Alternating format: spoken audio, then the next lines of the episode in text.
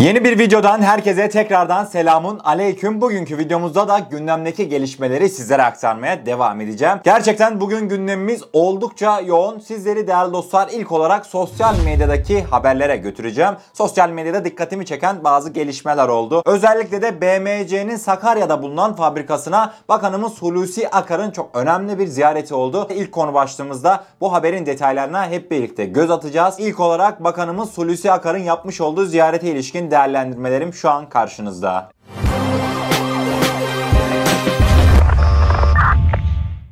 Evet değerli dostlar görmüş olacağınız üzere Milli Savunma Bakanımız Hulusi Akar ve beraberindeki komutanlarımız 400 beygirlik Vuran, 600 beygirlik Azra ve 1000 beygirlik Utku motorlarına ilişkin BMC'nin Sakarya'da bulunan fabrikasında bilgi aldı. Ayrıca Hulusi Akar motor testlerine de katıldı. Bakan Akar üretimi devam eden yeni nesil fırtına obüsünün 6. gövde kaynağını da bizzat kendisi yaptı. Göreceğiniz üzere üretim faaliyetleri tamamlanan 3 adet fırtına 2 obüsü Hulusi Akar Akar'ın katılımıyla Türk Silahlı Kuvvetleri'ne teslim edildi. Ayrıca bugünkü teslim töreninden sonra çok önemli de bir geçit töreni oldu. Arifiye'de bugün gerçekleştirilen tören sırasında BMC Vuran aracının üzerinde entegre edilmiş Sungur hava savunma füzeleri de ilk kez görüntülendi. Geçit töreni devam ederken çok sürpriz isimler de bizlerle birlikte oldu. BMC'nin yeni 8x8 zırhlı muharebe aracı da Arifiye'de görüntülendi. Ayrıca araçta çok özel de bir durum vardı. Bu durum ise araç 630 30 beygirlik yerli motor kullanmaktaydı. Bu gerçekten çok önemli bir gelişmeydi. Yani 630 beygirlik yerli motorumuz ilk kez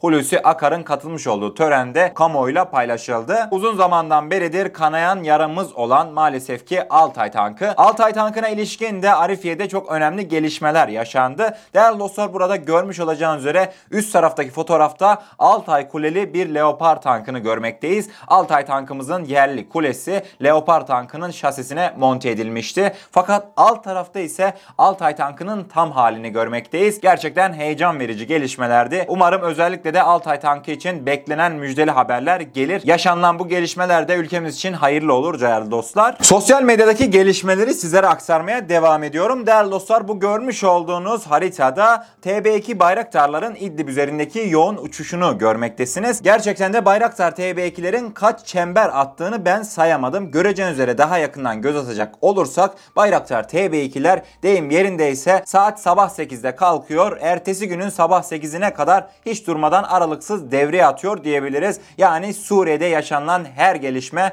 an be an takip altına değerli dostlar. Bunu da sizlerle paylaşmak istedim. Devamında sizleri bir Ermenistan'a götüreceğim. Ermenistan'ın Hristiyan Demokratik Partisi lideri Levon Şirinyan'dan çok çarpıcı bir açıklama geldi. Şirinyan dedi ki benim değerlendirmem şu ki Ermenilerin Türklerin köpeği olması yabancı yabancı ülkelerin yani Rusların temsilcisi olmaktan daha iyidir dedi. Yani Ermeni Hristiyan Demokratik Partisi lideri Levon Şirinyan Türklerin köpeği olmak Rusların köpeği olmaktan daha iyidir açıklamalarında bulundu. Bu açıklama gerçekten gündeme bomba gibi düştü. Evet Ermenilerden gelen bu ilginç açıklamayı da sizlere aktardıktan sonra değerli dostlar sizleri hatırlarsınız insan hava araçlarımıza yerli motorumuzu üretme çalışmalarımız tüm hızıyla sürüyor. TUSAŞ Genel Müdürü Mahmut Faruk Akşit çok önemli açıklamalarda bulundu. Özellikle de yerli insan hava aracı motorumuz PD-170'in kullanımına ilişkin çok önemli açıklamalarda bulundu. İsterseniz ikinci konu başlığımızda Mahmut Faruk Akşit'in açıklamalarının detayına yakından bir göz atalım. TUSAŞ Genel Müdürü Mahmut Faruk Akşit PD-170 motoru için birden çok ülkeyle görüşüyoruz.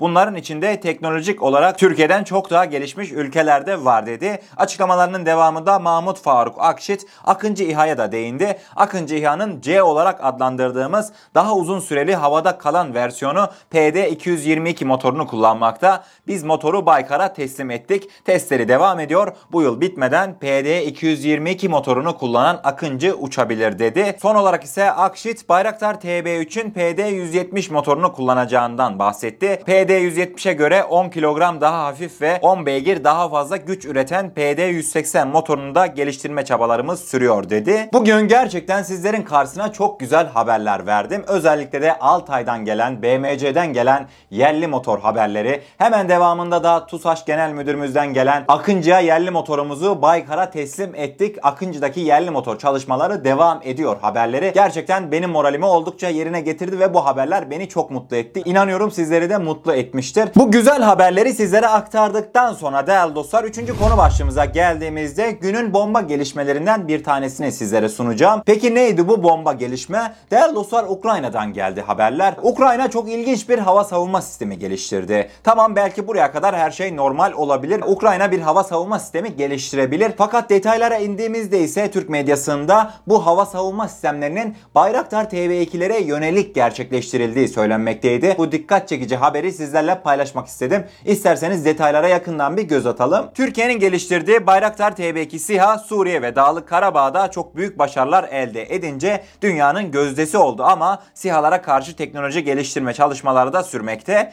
Türkiye'nin 48 adet İHA ve SİHA satmak için anlaşma yaptı. Bir kısmını da teslim ettiği Ukrayna SİHA'ları yok edecek bir silah geliştirdi. Ukrayna medyasındaki habere göre de bu silahın adı Cobra Anti-Drone'du. Cobra Anti-Drone Türk SİHA'sı Bayraktar TB2 ve İsrail'in Mini Harpi tipi gözlem İHA'larına karşı tasarlandı. Tank savar silahı gibi bir sistem olarak düşünülen ve başıboş mühimmatları engelleme yeteneği de olan Mini Cobra Anti-Drone 40 cm uzunluğunda 12 santim çapında ve sadece 2,2 kilogram. Üstelik bu ağırlığa 1 kiloluk savaş başlığı da dahil. Bu mini helikopterlerin önlem yüksekliği ise 2 kilometre, savaş yarıçapı ise 5 kilometre. Tamamen yapay zeka ile ve bağımsız olarak hareket etmekte. Evet değerli dostlar özellikle de Ukrayna medyası böyle bir haberi yapınca benim çok dikkatimi çekti. Açıkçası şunu da düşünmeden edemedim. Adamlara biz kendi sihalarımızı verdik. Sonra Ukrayna bizim sihalarımız üzerinden sihaları engelleme projelerine girişti ve söylenenlere göre başarılı da olmuşlar bu projelerde. Fakat benim dikkatimi çeken bir detay vardı. Dikkat ettiniz mi? Ukrayna'nın Türk sihalarına karşı geliştirmiş olduğu sistemin menzili 2 kilometre. Değerli dostlar zaten bizim Bayraktar TB2'lerimiz operasyon dışında dahi 25 bin fitin altına inmemekte. Açıkçası Ukraynalılar bizim Bayraktar TB2'leri 2 kilometre önleme menziliyle nasıl engelleyecek? Devamında da tabii ki soru işaretleri de beraberinde geldi. Acaba biz Ukrayna'ya SİHA satarken bizim mühendislerimiz, bizim resmi kaynaklarımız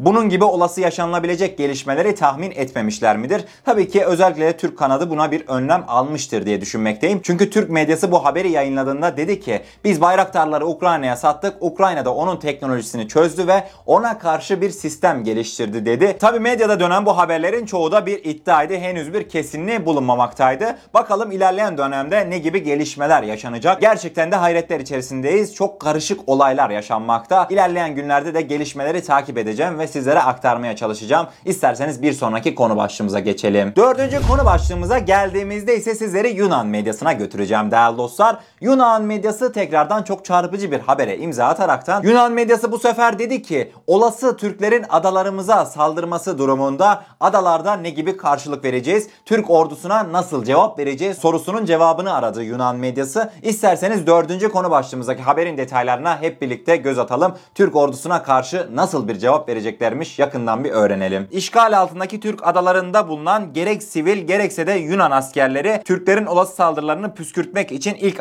atışlarını yapmaktan tereddüt etmeyeceklerdir dedi. Devamında ise makineli tüfeklerden tank savar silahlarına kadar ellerinde bulunduğundan bahsettiler. Haberin devamında ise Türklerin saldırısından ilk birkaç saat kazanmak için oraya aceleyle gitmek için bölge sakinleri de sürekli silahlı vatandaşlar denildi. Yani bölgede yaşayan güya kendilerini sivil olarak tanıtan Yunan vatandaşlarının da tamamıyla silahlı olduğunu aslında Yunan medyası itiraf etmiş oldu. Bölgede yaşayan Yunan adalarında yaşayan Yunan vatandaşlarının Yunan askerleri tarafından sürekli eğitildiğini, olası Türk saldırılarına karşı hızlı bir şekilde cevap verebilmeleri için kendilerine piyade tüfekleri verildiği de söylenmekteydi. Ayrıca haberin devamında ise çok komik bir gelişme de yazıldı. Denildi ki Yunan gençleri Türk askerlerini adalardan kovmak için her an hazırlar. Hiçbir şekilde kendi topraklarını savunmaktan geri kalmayacaklar. Türkler geldikleri gibi püskürtülecek ifadelerini kullandılar. Yunan gençleri bizim Türk Silahlı Kuvvetlerini adalardan kovacakmış. Yunanların özellikle de son dönemdeki en komik ifadelerinden biriydi. Yunan kanadından gelen açıklamalar bu şekildeydi değerli dostlar. Şimdi Yunanların buradaki asıl amacına değinmek istiyorum. Değerli dostlar kendileri de zaten itiraf etmişler. İşgal altındaki Türk adalarında bulunan güya sözde sivil Yunan halkı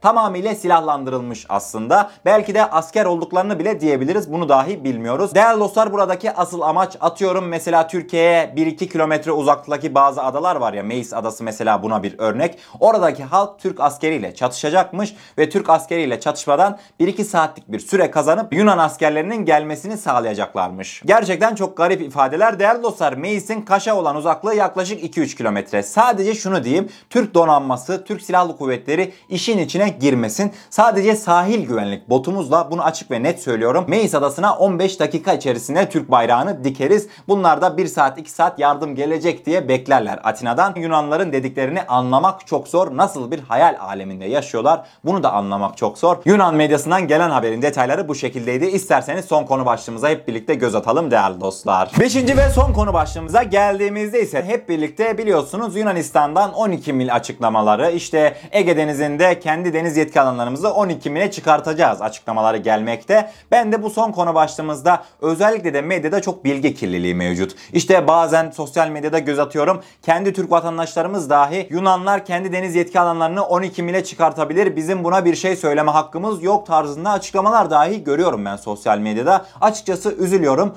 Bundan ötürüdür değerli dostlar. Acaba gerçekten Yunanistan Ege Denizi'nde adalardaki deniz yetki alanlarını 12 mile çıkartabilir mi? İşte bu son konu başlığımızda kısa ve öz bir şekilde bu sorumuza yanıt arayacağız. İsterseniz ben hiç lafı uzatmayayım. Yunanistan deniz yetki alanlarını 12 mile çıkartabilir mi? Hep birlikte cevap arayalım. Değerli dostlar ilk olarak sizleri bir Lozan Barış Anlaşması'na götürmek istiyorum. Lozan Barış Anlaşması'nın 6. ve 12. maddesi gerçekten çok önemli. Zaten Yunanistan'a karşı elimizi güçlendiren en önemli maddelerden iki tanesi de 6. ve 12. madde. Türkiye ve Yunanistan arasında Adalar Denizi'nde karasular genişliği 3 mil olarak bu anlaşmada belirleniyor. Fakat Yunanistan 17 Eylül 1936'da tek taraflı olarak karasularını 6 mile çıkartıyor. Bu durumda ise Yunanistan Adalar Denizi'nin açık deniz alanının yaklaşık %25'lik kısmını egemenliği altına alıyor. Türkiye ise buna bir cevap vererek aslında cevabımız da gecikmiş. 1936'da Yunanlar 6 mile çıkartıyor fakat Türkiye yaklaşık bir 30 sene bekleyerekten 1964'te karasularını 6 mil olarak ilan ediyor. Tabi 1964'te çıkarılan karasuları kanununa göre Türkiye'nin Adalar Denizi'ndeki karasular genişliği 6 deniz milidir deniyor. Türkiye Birleşmiş Milletler Deniz Hukuku Sözleşmesi'ne taraf olmadığından ötürü bu durum Türkiye açısından bir avantaja dönüşüyor. Yunanistan 1982'de Birleşmiş Milletler Deniz Hukuku Sözleşmesi'ne atıfta bulunaraktan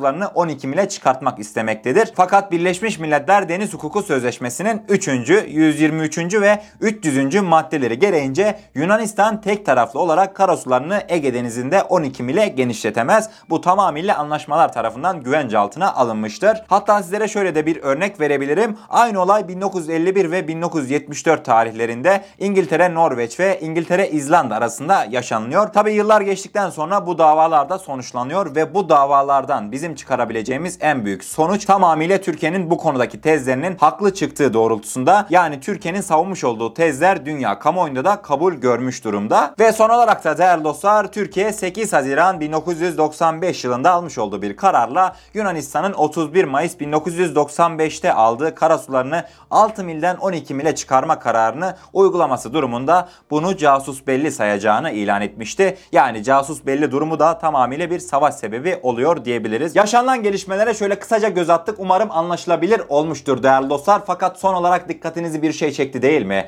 1995 yılında biz karasularımızı 6 milden 12 mile çıkartıyoruz demiş Yunanistan. Yani 1995 yılından beri yaklaşık 25 seneden beri Yunanistan'dan çokça sesler yükseliyor fakat hiçbir şekilde icraat yok. Değerli dostlar yani son olarak sizlere şunu söylemek isterim. Yunanistan'ın bu boş açıklamaları yılın belli dönemlerinde her zaman olmaktaydı. Hiçbir şekilde gale almayalım. Ben inanmıyorum ki Yunanistan 12 mile çıkarttık diye bir açıklama yapacaktır. Zaten belirteceğim üzere Türkiye'nin böyle bir durum karşısında da alacağı tavır çok nettir. Tabi bir yandan da içimden bir ses Yunanistan 12 mile çıkartabilirsin ya açıklama yapabilirsin dese de hazır Yunanistan 12 mile çıkartmışken işgal altındaki adalarımızı da şöyle güzel bir harekatla geri alabilsek diye de içimden geçiyor açıkçası değerli dostlar. Fakat bakalım ilerleyen günlerde ne gibi gelişmeler yaşanacak hepsini takipteyim değerli dostlar. Bugün gelişmeleri sizlere aktardım. Umarım doğru bir şekilde şekilde anlatabilmişimdir. Eğer kanalımıza ilk defa gelmekteyseniz kanalımıza abone olarak bizlere destek olabilirsiniz. Videomuzu da gerçekten beğenmişseniz, beğenirseniz çok mutlu oluruz diyorum ve